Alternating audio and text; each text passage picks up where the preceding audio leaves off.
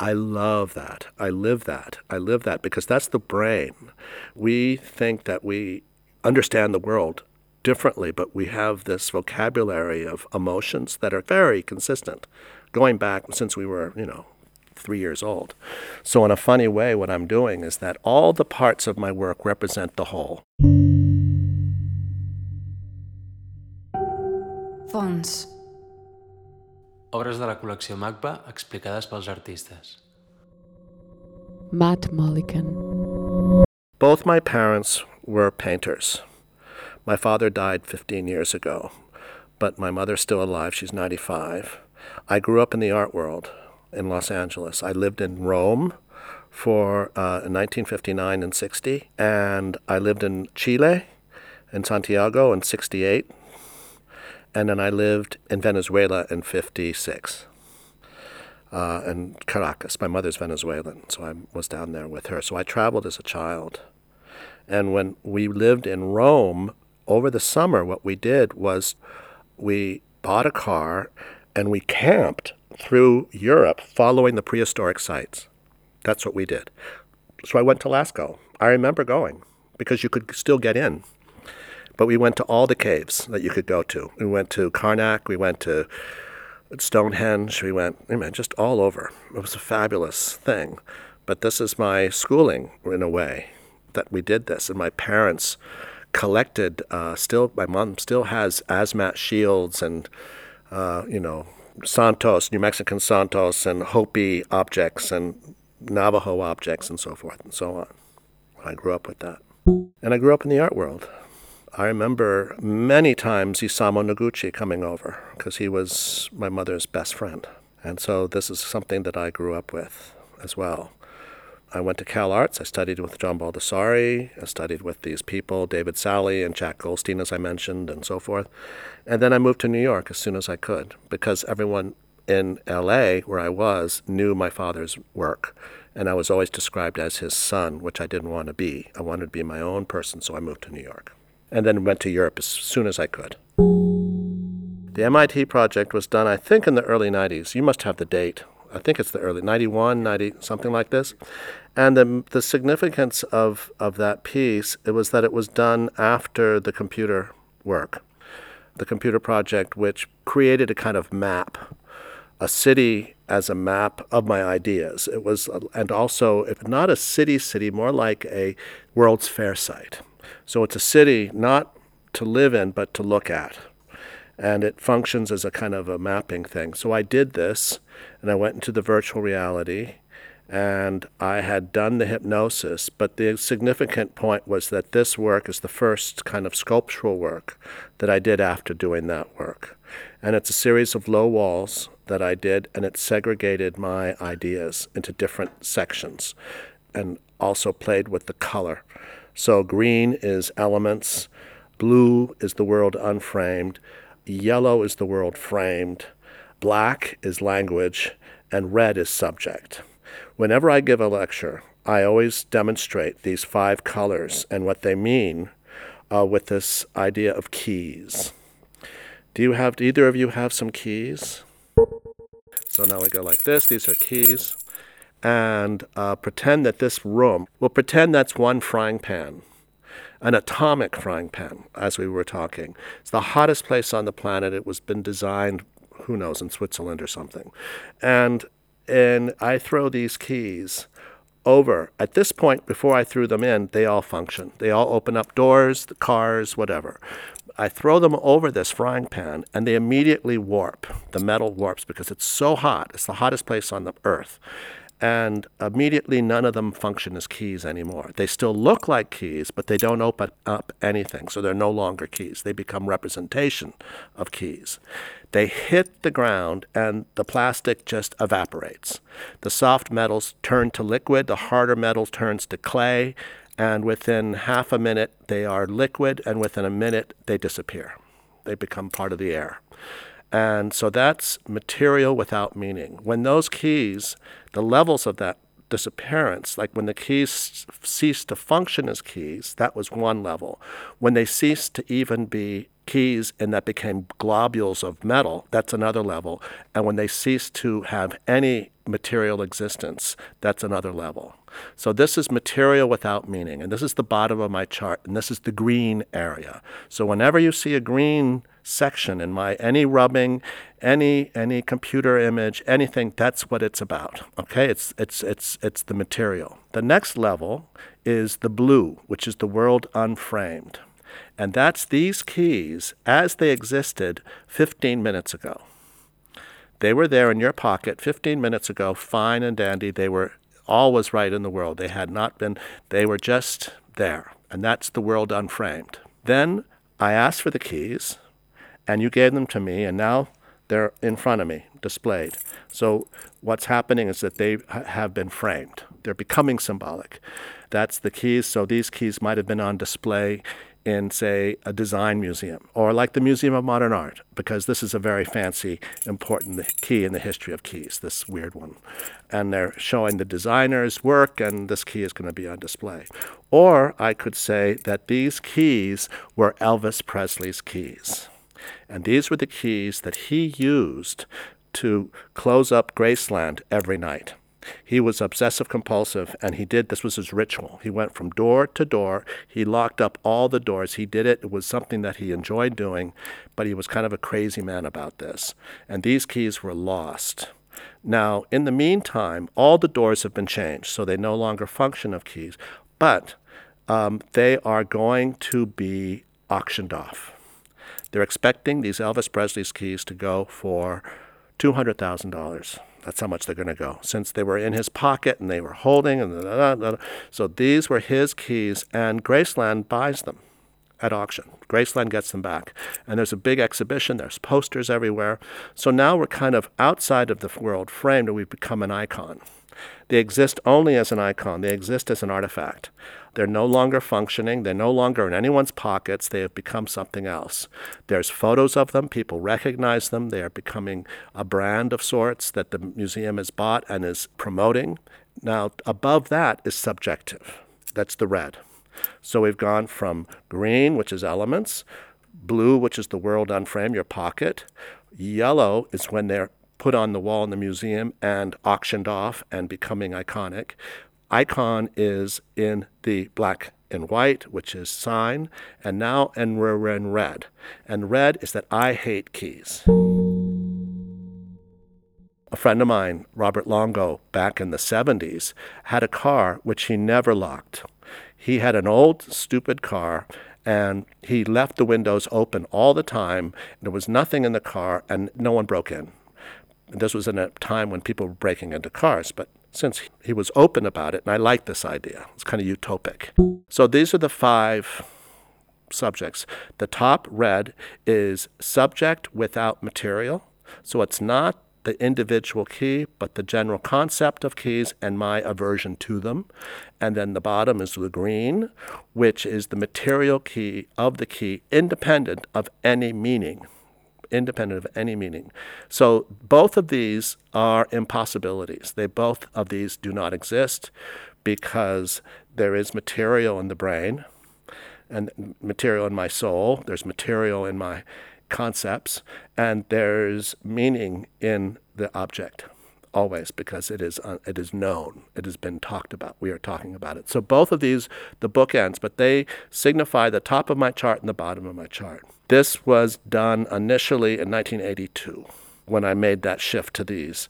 And this was the first time, the MIT, where I actually made this a kind of pavilion and, um, and where I could display objects, pictures, videos, films that describe these concepts.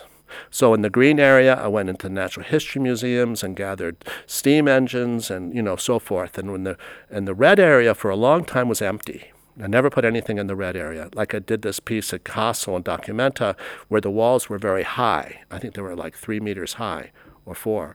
And the red part was empty. But now the red part has, the subjective part has my hypnosis and also has my cosmology. That's where those two fit in because it's really the world as it is projected from the ego separate from the world, but is the world. It becomes the world. The first MIT, the project where you have the half circle above, the half circle below, and the center and the two ends, really comes out of a drawing uh, collage that I did in the 70s, 77, and it's heaven and hell. So you have heaven above, hell below, uh, sky, ground, and the man in the middle. And then eventually it turned and it became this. And I made a flag in India in 81 or 2, I did a flag of that classic uh, half circle above, half circle below. And people think of it as a kind of a game board. It looks not unlike a soccer field or basketball court, but it's definitely a, a field of play. And that is something I like. I like this idea of play. And it's also a map of my ideas. But it's quite a distance between, say, uh, soccer and heaven and hell. But, uh, you know, that's they fed into each other, iconography. And then you went and got a skeleton. I bought a skeleton in the mid 70s, and uh, I still own it. I didn't want to put it in there, but we got my dentist to buy one and send it to you because he could buy one. Back in the day in the 70s, you could buy a skeleton. And the great exporters of skeletons, for medical purposes, of course, were India and Mexico. They exported all the skeletons in the world. They were the major players in this game. And so I bought the skeleton in uh, 77 and I unwrapped it at the Kitchen Center for Performing Arts. I, in front of an audience, I unwrapped the whole thing and put it on a board. So you have a complete skeleton as part of this project. And then there's all kinds of stuff in that piece. There's, I mean, you know better than I, but uh, there's a steam uh, engine and also a boiler, and we've got a banner, a vintage banner from the MIT. It was the same banner that I showed there. But I think the important thing about the piece is is the engagement of the material and also the disengagement of the material. This combination, like when you play a game, you're of course highly engaged, but it's not quite real. It's uh, it exists not in a daily area, but parallel to that. As I learn about the work, of course, the, the, the body of work does change. And, and I think the most radical thing that's happened in the last 15 years was the emergence of that person. And I'm most interested in the parts of that person that are um, the least easy to articulate, the parts that, that are not can that you cannot somehow validate through language. Uh, that's the part that I like the most of that person his posture, his mannerisms. He's autistic, seemingly. He could sometimes he actually is very feminine, and sometimes he's a little boy, and then sometimes he's an old man. I just did a performance in, in Sydney, and he had a bed sheet over his shoulder, um, and I think that aged him, like a shawl or a blanket. When the bed sheet's over his shoulder, he's an old man. When the sh- bed sheet is not there. He's a much younger man. And when he pulls up his pants, he's a very young man. I mean, this is the thing. How does it work? I meet with the hypnotist the day before or the morning of a performance, and he puts me into a trance. And as that person, I talk to him about what I want to do. So the character actually is the person who's coming up with the ideas. Now, the character is me. This is the complicated part.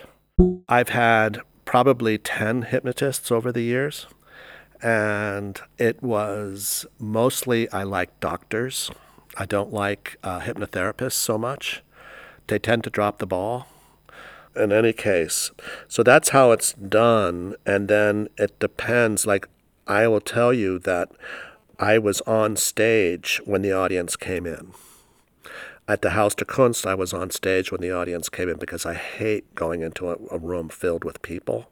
Because if there are a lot of people in the room, I can feel the humidity from all the the hot bodies and the heat from the lamps because it's usually overlit.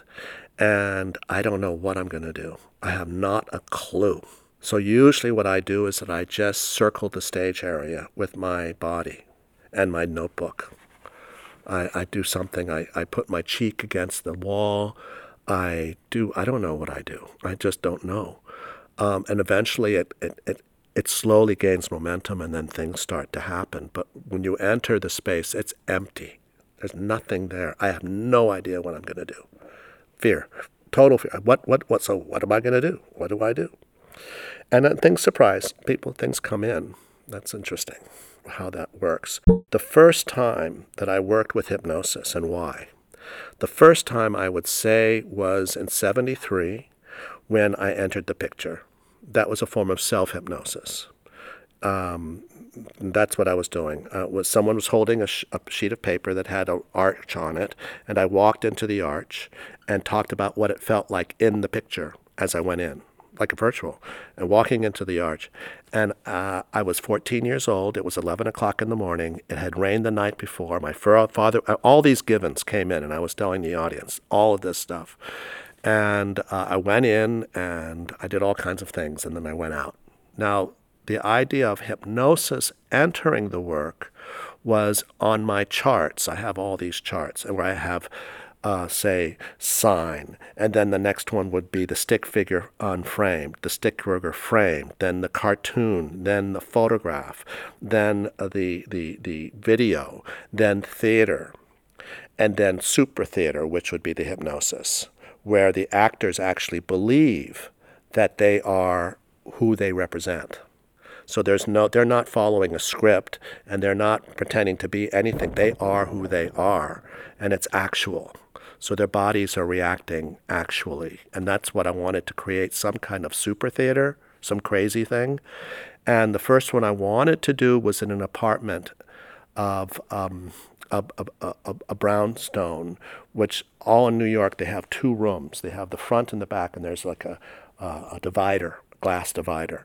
And I wanted to put the audience on one side and then put this figure, not me, in the other, uh, believing that they were doing something and that we would all see him do it.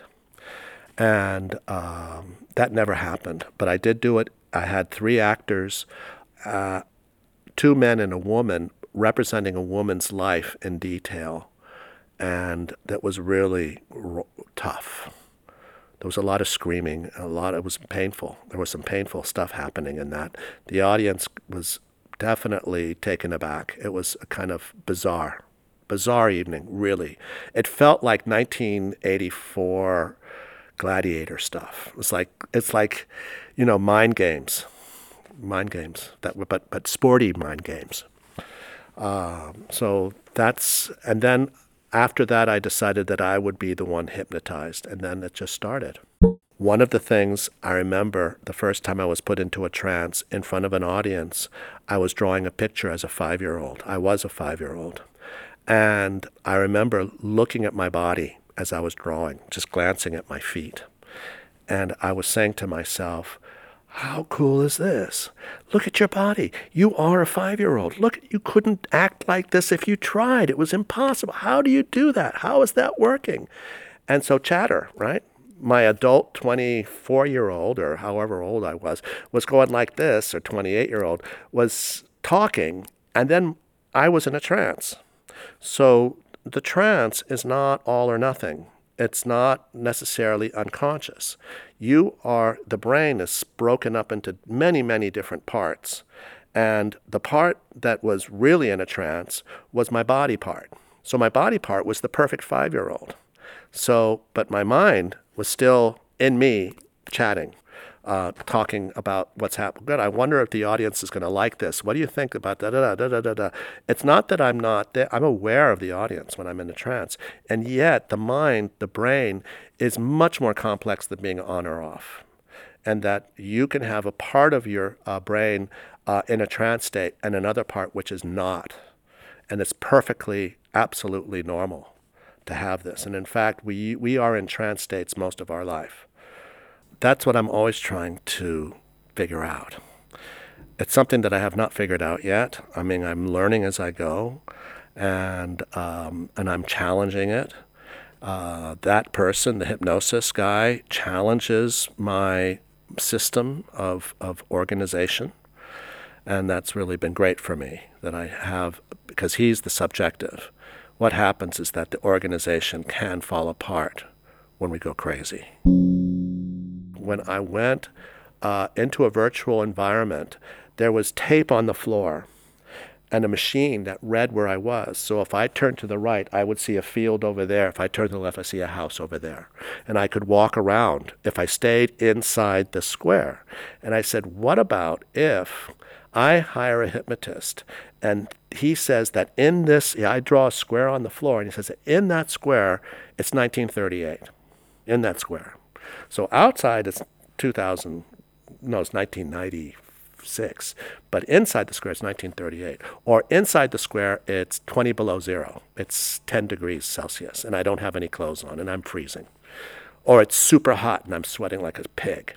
And so, but what happens is that I have created a kind of a place, a psychological environment that I respond to. I thought this was absolutely cool. Going into the mirror. This is myself in relationship to the art that came before me, you might say. And of course, it's an iconic branding of sorts. It's not quite the truth because artists have been working with mirrors. You know, it goes way back. Not not even it goes back way way back. So I'm not the newest artist doing this by any means, but I grew up. I was at Cal Arts, and and this was 71 so just of off of conceptual art so the stars that we all were very aware of were the xerox people that meaning carl andre Sol LeWitt, robert barry douglas huebler joseph kosuth lawrence weiner uh, Hanne Darboven. We knew them all. We knew everybody. And that was our job to know us everything. But what they had done, it was perfect conceptual art was the perfect end to modernism. It was done reductivist. The reductivist train had perfectly finished. It was done with a big red bow. It was done. So, what's going to happen now that it's finished? Painting was dead. God was dead. The cover of Time magazine, God is dead. Fat chance, right? When you consider what's happening today. So, I was dealing, we were all dealing, all the students had to somehow figure out what comes next. What comes after after this whole thing? The idea as an idea, as an idea of art. John Baldessari was a perfect teacher for this. Perfect. He would tell stories, uh, as he still does. The Carl Andre brick sculpture was sold to the Tate the Tate bought one. I think it was $60,000 or 6000 whatever, but it was a lot of money at the time. And it was just a, a bunch of bricks, white bricks on the floor. So then there was a guard there, and he had, he could figure, he says, God, I can get these bricks. So what the guard did is that every night, way before he left, he would exchange one brick with his own and take the Carl Andre brick home. And he did this over a period of months. And eventually he had Carl Andre sculpture in his house, and he replaced the Carl Andre bricks with his with these f- fiction. And so John's question was, where is the Carl Andre? And of course, it's still in the museum because it's not in the object at all. But this was the way John would explain things. So here we are. What do we do what, what, as, a, as a bunch? And to a degree, rather than deal with the material of the mirror, and with the fact that that mirror, and, and of course it was used by a lot of people, Joan Jonas, Robert Smithson, amongst uh, James Rosenquist, uh, a lot of people, uh, Yvonne Rainer, I think, even used it. So their uh, mirrors were very, I mean, they're so iconic. And so what I was interested in is that I'm not interested in the material of the mirror. I'm interested in the reflection. Now that reflection is is only for me. I'm the only one that sees it. I see that reflection. So going into the mirror is to go into myself. It's no longer about the material of the mirror and that it does certain things formalistically. It's not about that. It has to do with this other thing, which is the brain, the psychological element. And in doing that, one of the first things that comes up is the cosmology, and that I am that, that we are all run by a certain. I read in some book I do read here and there. The idea that deity is the highest form of, of human creativity. Uh, when you do that, when you create a deity, that's really that you've done a lot when you do that. So that would be all Indian gods, that would be all Greek gods, that would be, you know, any kind of god that you come up with. And I said, Jesus, I should invent a god. I'll do that. I could do that. So then I created a cosmology, which answered the question where was I before I was born? Why do things happen the way they do while I live my life? And what happens after I die? So I went into heaven and hell and demons and angels and God and, uh, you know, fate and the soul and all this weird stuff. But it's the subjective. You know, it's not about being rational. A cosmology is a social phenomenon. It is not formal. It really exists in the way people look at each other more than the, way they look at the statue. Uh, it exists between people. And my cosmology has nothing to do with trying to get anyone to believe in it. So if it's not there to be believed in, why is it there? It's there as a model for the possibility of content, which is not necessarily a Campbell soup can. I wanted to, to, to draw a real dead person, so I went and found, I eventually found a cadaver. A friend of mine was going to medical school, and he was on his stomach. And I wanted to do to the cadaver what the stick figure had done to himself. So if the stick figure had put his hand in his mouth and shouted, you know, covered his ears, I did that with the cadaver. And the most important thing that I did with the cadaver is pinch his arm. You know, like when you see it in the movies, pinch me. I want to make sure I'm not dreaming. Pinch me. And uh, that's what I did to the cadaver's arm. Now, the cadaver was on his stomach when we came in because they'd already started to dissect the back of the head to go into the brain. So we had to turn him over. And when we turned him over, his arm literally fell to the floor. And I had to put the arm back on his shoulder because they had dissected through the shoulder. And that's the arm that I pinched. And I let go. I did not, you know, I had to let go.